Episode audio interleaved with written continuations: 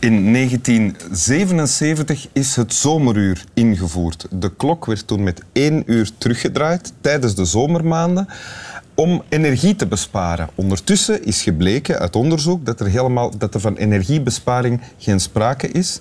En onze nationale weerman Frank de Bozere zegt ook, uh, vindt dan ook dat eigenlijk het zomeruur zou moeten worden afgeschaft en dat het dus eigenlijk altijd winteruur zou moeten zijn. Uh, ja, ik vind dat een... Voor mij is dat goed. Uh, hallo, welkom in Winteruur. Naast mij de hond Boris en de schrijfster uh, Griet op de Beek, met wie ik al veel te snel allerhande grenzen heb overschreden. Waarvoor mijn pardon. Nee, ik kan daar tegen. Ik heb graag ah. grensoverschrijding als het van u komt. Oké, okay. grensoverschrijdend gedrag op canvas tijdens winteruur. Blijf kijken. Uh, Griet op de Beek, schrijfster van ondertussen drie boeken. Ja, waarvan het eerste uh, onderweg, onderweg, onderweg is naar een film. Ja, het tweede ook trouwens. Ja. En het tweede ook. En het derde net uit. Ja. ja. Spannendste momenten ever. Ja. Voordien ben je uh, dramaturge geweest en journaliste. Maar je ware roeping, wat, wat, ik zie je schudden. Ja, ik heb me zo nooit een echte journalist gevoeld. Zo, ah. Journalisten zijn mensen die 17 keer per dag nieuwsites checken en drie internationale kranten lezen en korte stukjes rap rap op de bal spelen. En dat heb ik allemaal nooit gedaan. Ik vond het wel tof om zo lang te gaan spreken met mensen en dat dan over twee grote krantenbladzijden te mogen uitsmeren. Maar toch was het ook een laffe vlucht weg, net zoals de dramaturgie. Okay. Iemand die zich een tijd lang journaliste heeft genoemd. Mag ik dan zo zeggen? ja, ik noemde mij toen ook gewoon interviewer, maar het, het is muggenzifterij. Okay excuus. Ja, en je hebt een tekst meegebracht voor ons. Ja. Wil je die voorlezen? Graag. Misschien zijn alle draken in onze levens eigenlijk prinsessen die alleen maar zitten te wachten op het moment waarop we eindelijk mooi en moedig in actie schieten. Misschien is datgene waar we bang voor zijn in zijn blootste essentie iets hulpeloos wat onze liefde zoekt. Dat is van Rilke. Ja, en dat is ook het motto van je tweede boek, Kom hier, kus. Ja. ja, zo gaat dat met belangrijke teksten. Die belanden dan toch weer wel eens ergens in een boek. Hè? Ja, ja, maar je wou het niet voorlezen uit uh, je eigen boek. Ja, dat is. Je zit ook nog wel reclame voor je eigen brol te maken. En dat is dan toch niet echt mijn temperament. Oké, nee. oké, maar hierbij is het dan toch een klein beetje gebeurd. ja, door mijn, door mijn toedoen. Voilà, als jij het dan doet, is het weer sympathiek en is mijn uitgeverij weer blij natuurlijk. Oké, okay. uh, die betalen mij dan achteraf wel, hoop ik. En wat staat hier? In deze tekst? Wat wordt hier gezegd? Ja, voor mij is dit een pleidooi om echt uh, woest en voluit te leven. En dat kun je alleen maar doen door naar oude demonen te kijken, volgens mij. We hebben allemaal een tapijt, zoals er hierin ligt, of wat kleiner, waar we geneigd zijn om alles onder te vegen, volgens mij. Alles wat ons verontrust of bang maakt of kwaad maakt of waar we heel emotioneel van dreigen te worden.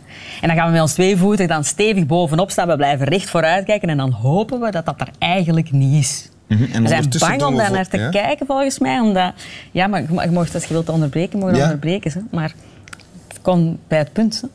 Oké, oké.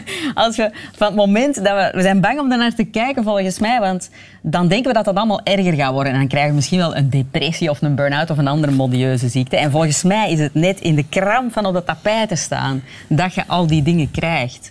En dit is een woest pleidooi om dat tapijt op te lichten en is heel goed te kijken naar wat daar allemaal onder ligt. En als je dat doet en durft, dan kom je te weten welke dingen nu eigenlijk in de weg zitten. En dan kun je die vastpakken en ze veranderen. En dan wordt het leven eindeloos veel beter. Ja.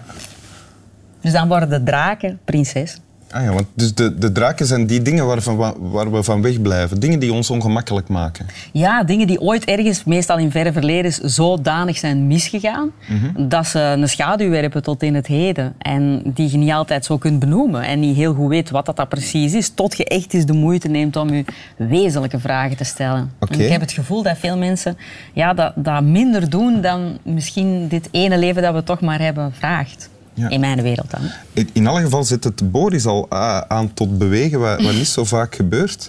Ja, zie je, hij heeft het begrepen. Hè? En als je, dat dan, als je dan zegt van oké, ik merk dat er dingen zijn uh, waar ik niet naartoe durf, waar ik van weg blijf, uh, en je wil dat veranderen, hoe, hoe, Hoe doet een mens dat dan? Ja, je kunt op allerlei manieren doen. Hè. Soms kun je bijvoorbeeld, ik zeg maar iets naar een film zitten kijken of een boek lezen en ineens worden geraakt door iets dat je zelf eigenlijk niet kunt uitleggen waarom. Dat is vaak een indicatie dat er ergens in die grote blinde vlek die we allemaal hebben als mensen, iets wordt getroffen. Maar omdat het eigenlijk heel moeilijk is, juist omwille van die blinde vlek, om daar zelf toe te komen, kun je daar wel wat hulp bij gebruiken. En als je hele slimme, goede vrienden hebt die er niet te veel met zichzelf tussen zitten, kunnen die helpen.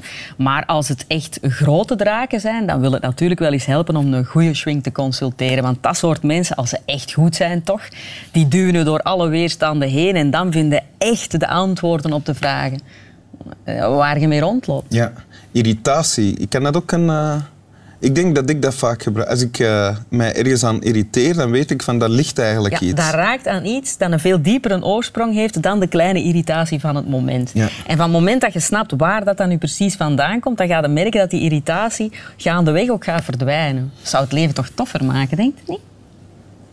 Uh, ja, het is in alle geval ik merk bij mezelf, als ik mij ergens aan irriteer, aan het gedrag van iemand, als ik gewoon geïrriteerd geraak, dat het altijd iets spiegelt van is dat ook in mij zit, maar dat ik eigenlijk uh, niet wil geweten hebben dat het ook in mij zit. Daar kom ik bij Precies. uit. En als ik daarbij uitkom, dan is er vrede. Vijf minuten lang en dan ontstaat er weer een nieuwe...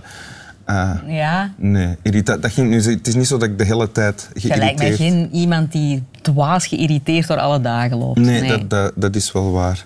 Um, en hoe heb jij dat dan uh, gedaan? Of heb jij zo'n transformatie ja, ik ben er echt wel het levendste bewijs ter wereld van. Hè, van de, mijn heilig geloof in de maakbaarheid van de mens. Als ik dat niet gedaan had, dan had ik hier nu niet gezeten als de schrijver van drie boeken. Zo simpel is het. Je moet op een bepaald moment toch de moed vinden om je eigen schaamte te overwinnen. En toch maar eens te denken van, ondanks al die helden in die boekenkast, ik ga toch mijn eigen centimeters daar eens tussen proberen te claimen. En dat, dat vraagt een bepaald soort grond onder je voeten, ja, waar ik echt 38 voor ben moeten worden om die te vinden. Help. Ah, ik vind het nog altijd spijtig, maar ik ben wel blij dat het toch gelukt is. Want dan, op je 38, heb dan jezelf toegegeven, ik wil schrijven en ik verdien het om mezelf schrijver te mogen noemen. Klopt dat? Ja, ik ben eigenlijk het huiswerk heb ik voordien gemaakt. En dan zo, ja, ik denk zo vanaf mijn 5, 36. Oh, ja, dus naar die schwink gegaan en echt hè, die ah, mat omhoog ja, en daar allemaal naar kijken. Dan noem ik dat nu even huiswerk maken. Mm hè. En het is natuurlijk pas één keer dat je daar al wat in geëvolueerd bent, dat je in staat bent om een boek te schrijven. Want een boek mag natuurlijk niet een soort, alleen wat mij betreft, toch niet een soort therapeutische weerslag zijn en daar mensen 20 euro voor gaan vragen, dat mogen je echt niet doen. Hè. Dus je moet eerst even de mens worden die je graag wilt zijn en van daaruit heb je dan de vrede om je mooie woord te gebruiken om dan echt eens iets te gaan schrijven waar je hopelijk ook andere mensen mee kunt raken. Ja, en al wat je voordien hebt gedaan was eigenlijk uitstellen van... Klopt dat? Ja, dat was echt een soort bang wegvluchten ja, echt letterlijk zo. Van, eerst, als je interviews doet met een ander, dan schrijf je die zijn woorden zo goed en spannend mogelijk op.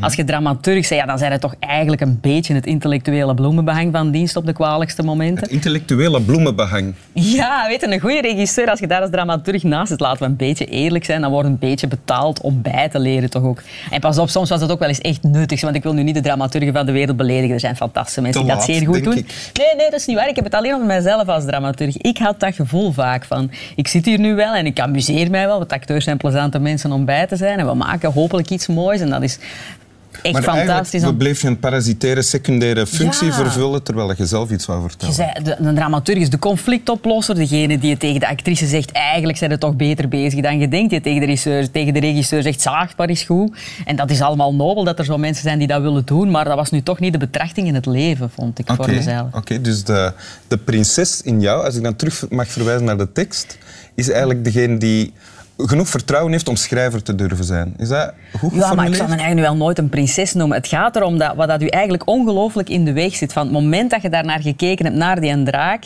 en leert lief zijn bijvoorbeeld, en durft bijvoorbeeld toegeven van kijk, hè, wat mij daar is aangedaan, hè, dat is echt niet oké. Hebben allemaal de neiging om heel veel dingen te minimaliseren. En ik denk van het moment dat je zo ver bent om dat te durven benoemen, dan kun je het ook achter je laten. En dan worden het dus prinses, want dan gaan ze voor u werken in plaats van tegen u. Oké, goed. Wil je de tekst nog één keer voorlezen voor ons? Ja. Misschien zijn alle draken in onze levens eigenlijk prinsessen, die alleen maar zitten te wachten op het moment waarop we eindelijk mooi en moedig in actie schieten. Misschien is datgene waar we bang voor zijn in zijn blootste essentie iets hulpeloos wat onze liefde zoekt. Dank u wel. Alsjeblieft. Snap wel.